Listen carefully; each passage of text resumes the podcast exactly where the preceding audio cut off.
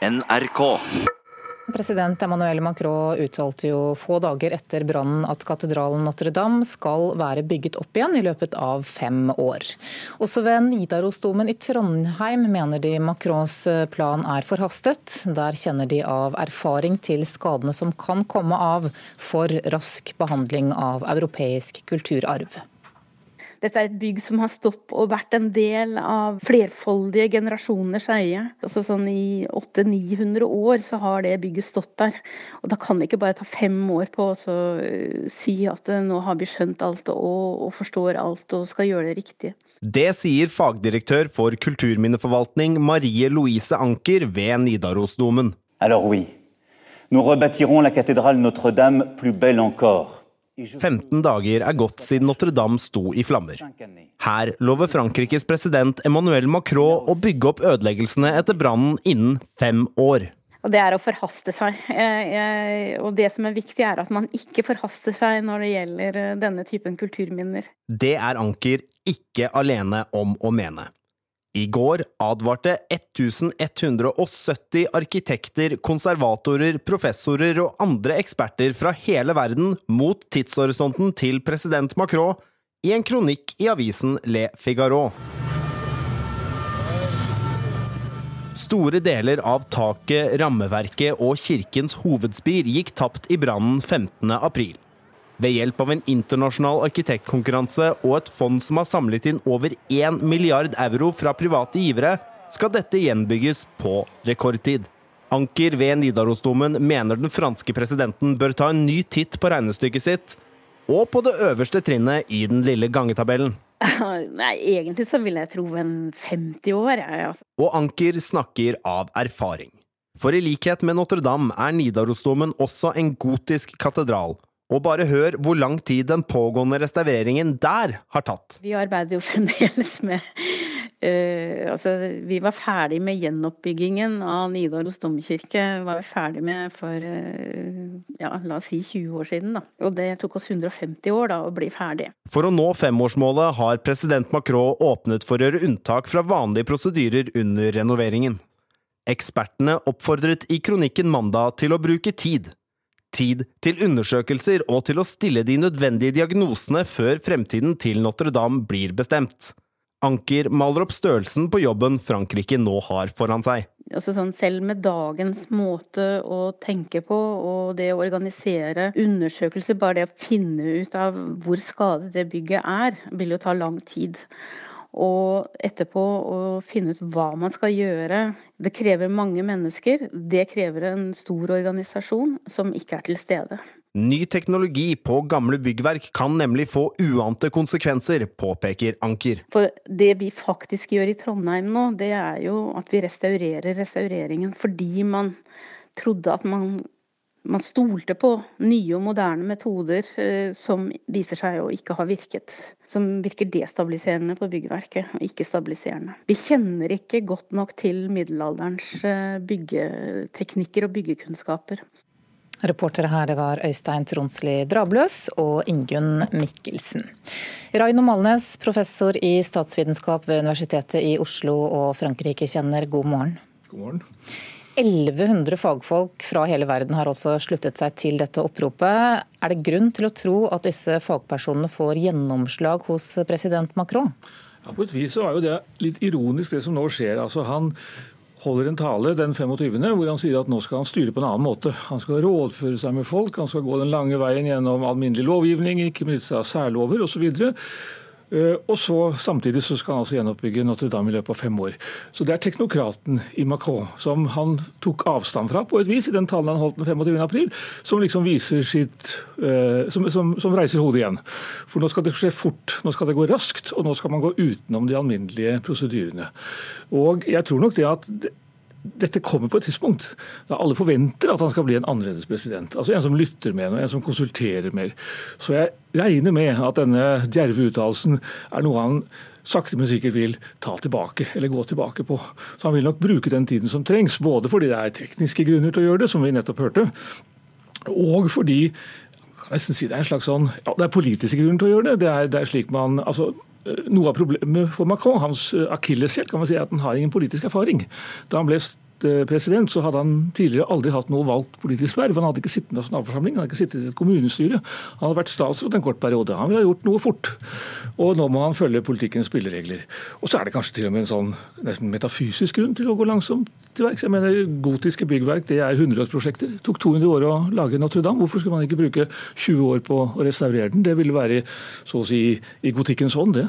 Det var vel mange som ble optimistiske da de hørte at dette her kanskje bare kom til å ta fem år? Jo, men altså en type optimisme av det slaget som man trenger på en dag som, eh, som den da Notre-Dame brant. Men det er klart at eh, de fleste tenkte vel som så at det der det tar kanskje et år bare å sikre bygningen. Altså bygge tak som er godt nok til å beskytte den mot vær og vind.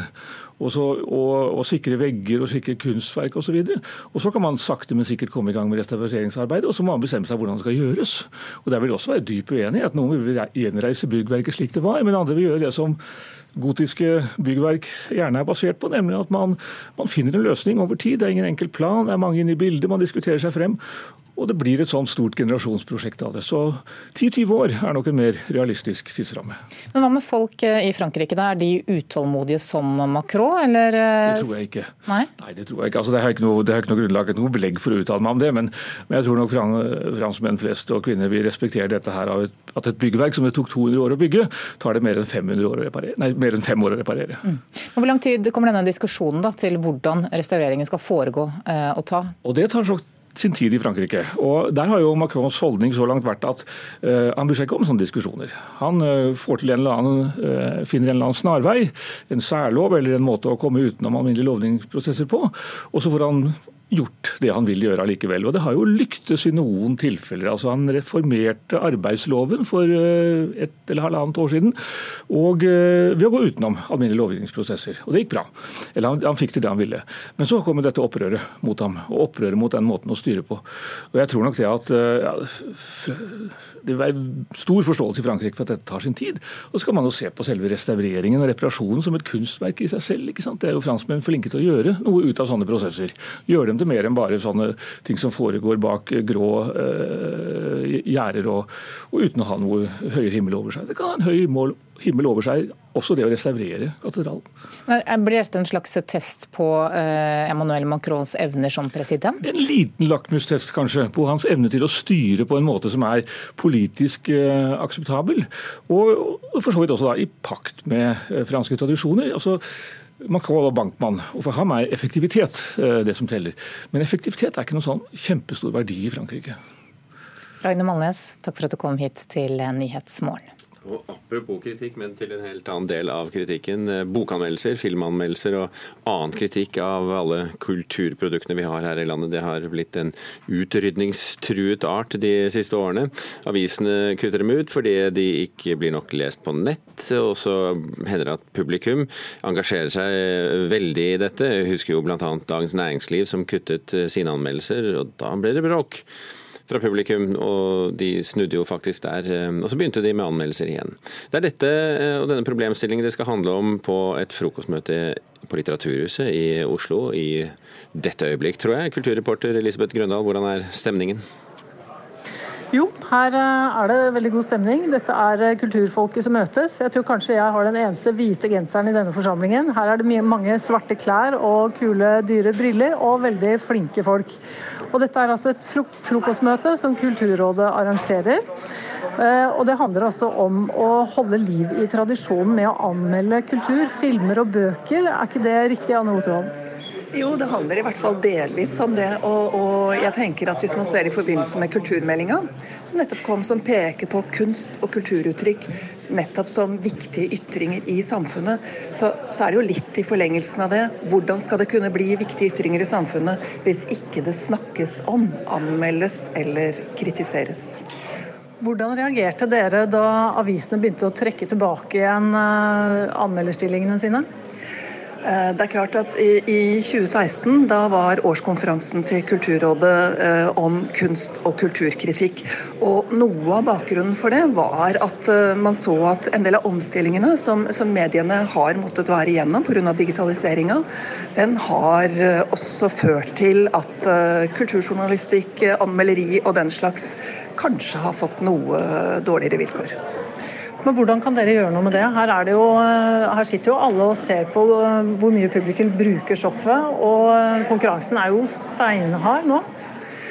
Ja, jeg tror ikke at Kulturrådet kan gjøre en revolusjon, men jeg tror at vi, altså, vi lanserer jo nå en ny ordning som skal hete eh, tidsskrift og kritikk. og, og jeg tror at tilrettelegging både for at kritikken kan finnes i tidsskriftene, men for at kritikken også kan finnes på helt andre arenaer. Det er jo ikke bare dagspressen. Jeg mener dagspressen er viktig for anmelderiet, men, men det finnes arenaer, eh, det finnes podkast, det finnes veldig mange nye medier også, som, hvor man kan søke om støtte på den nye ordningen. Dere er jo ambisiøse og sier at eh, denne anmelderi eller kunstkritikk er viktig for samfunnet. Og hvis du skulle fortelle noen som ikke er liksom i eh, kulturmenigheten, overbevise om hvorfor det er viktig for samfunnet, hva vil du si da? Eh, jeg, jeg, tenker jo at, at eh, altså Nå er jeg skjønnlitterær forfatter sjøl, eh, og, og, har jo vært med på denne utviklingen veldig lenge. Jeg tenker at Hvis jeg skal ta det som utgangspunkt, så jeg skriver bøker som som for meg handler om, om, mennesker som lever i Norge og verden i dag. Og jeg tenker at det sies ikke Det er ikke sakprosa. Det er ikke på den måten. Det er iscenesettelser av mennesker som lever i dag. Og hvis man kan snakke om de iscenesettelsene, kan snakke om um, hvordan, uh, hvordan, livsvilkårene er uh, i en større sammenheng så, så, tror jeg det er viktig for samfunnet. Det gjelder litteraturen, det gjelder uh, billedkunst, det gjelder eh, konserter, det gjelder scenekunst. Det gjelder alle kunstfeltene. Så jeg mener at de ytringene som, som skjer gjennom, gjennom kunsten, de er for folk flest. Det gjelder bare å få det synliggjort. Ja, det er akkurat det. fordi Mange oppfatter jo dette som ganske smalt, uh, utilgjengelig, veldig akademisk. Er dere gode nok til å, å, gjøre det tydelig hvorfor dette betyr noe for folk?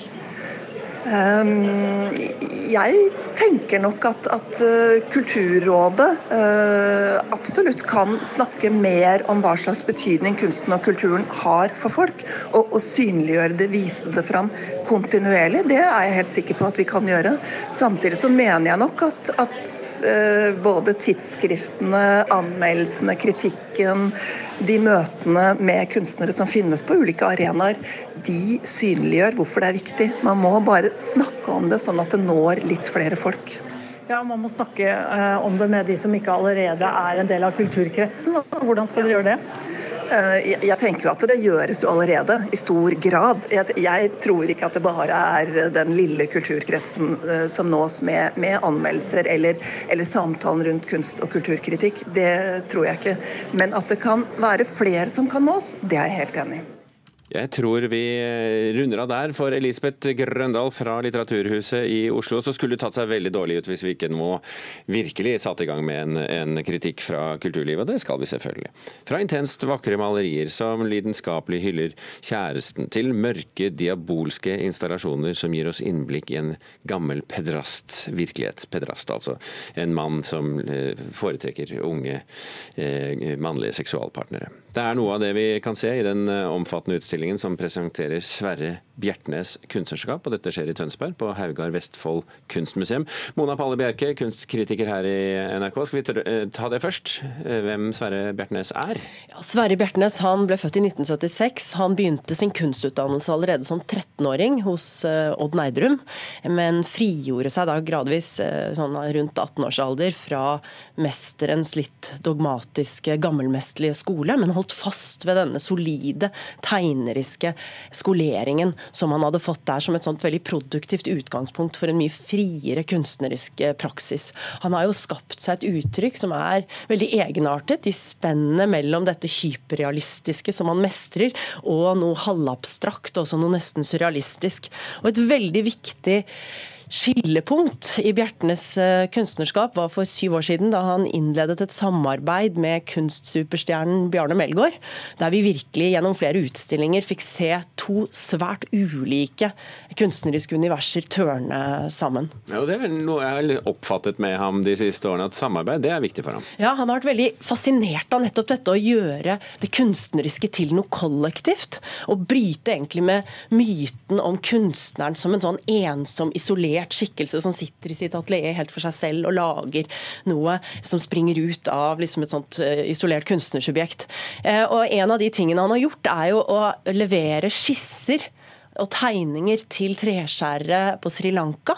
Og så har han fått denne oversettelsen av sitt eget uttrykk inn i et, eh, en annen kulturkrets og en annen billedforståelse. Har Vært veldig fascinert av nettopp denne oversettelsen da, av sine egne eh, ideer.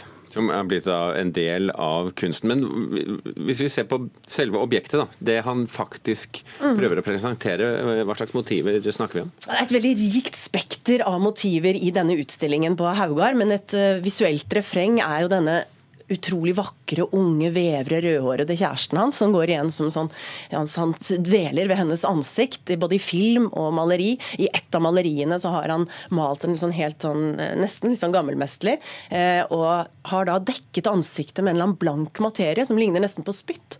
Og dette kan jo da henvise til den kanskje litt vemmelige, men også ganske velkjente impulsen man kan ha med å dekke den elskede med noe av seg selv.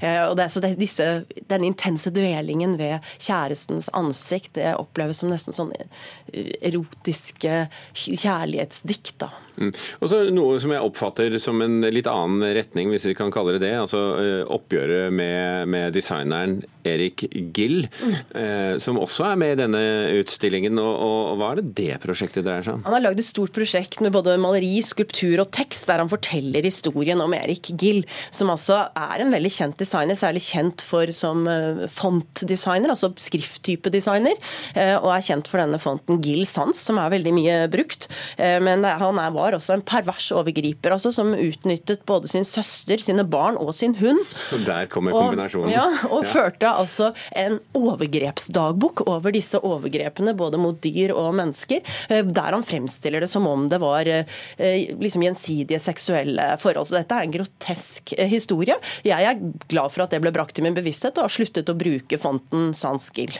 Mm, men er det en viktig del av utstillingen, mm. som, som, preger den på sett og vis? Ja, da, den inngår i utstillingen, og det er en veldig rik og omfattende utstilling vi finner på Haugar Vestfold kunstmuseum, hvor vi kan egentlig følge hele bredden og hele utviklingen i hans kunstnerskap. Ja. En bra utstilling, med andre ord. Dette er en utstilling som jeg varmt anbefaler, ja. ja og Det skal være der hele sommer, og det er Tønsberg som er byen. og Da fylles jo den med sommergjester hele, hele sommeren igjennom, så da har vi anbefalingen til i hvert fall alle som skal ned dit, eller kan tenke seg å dra dit.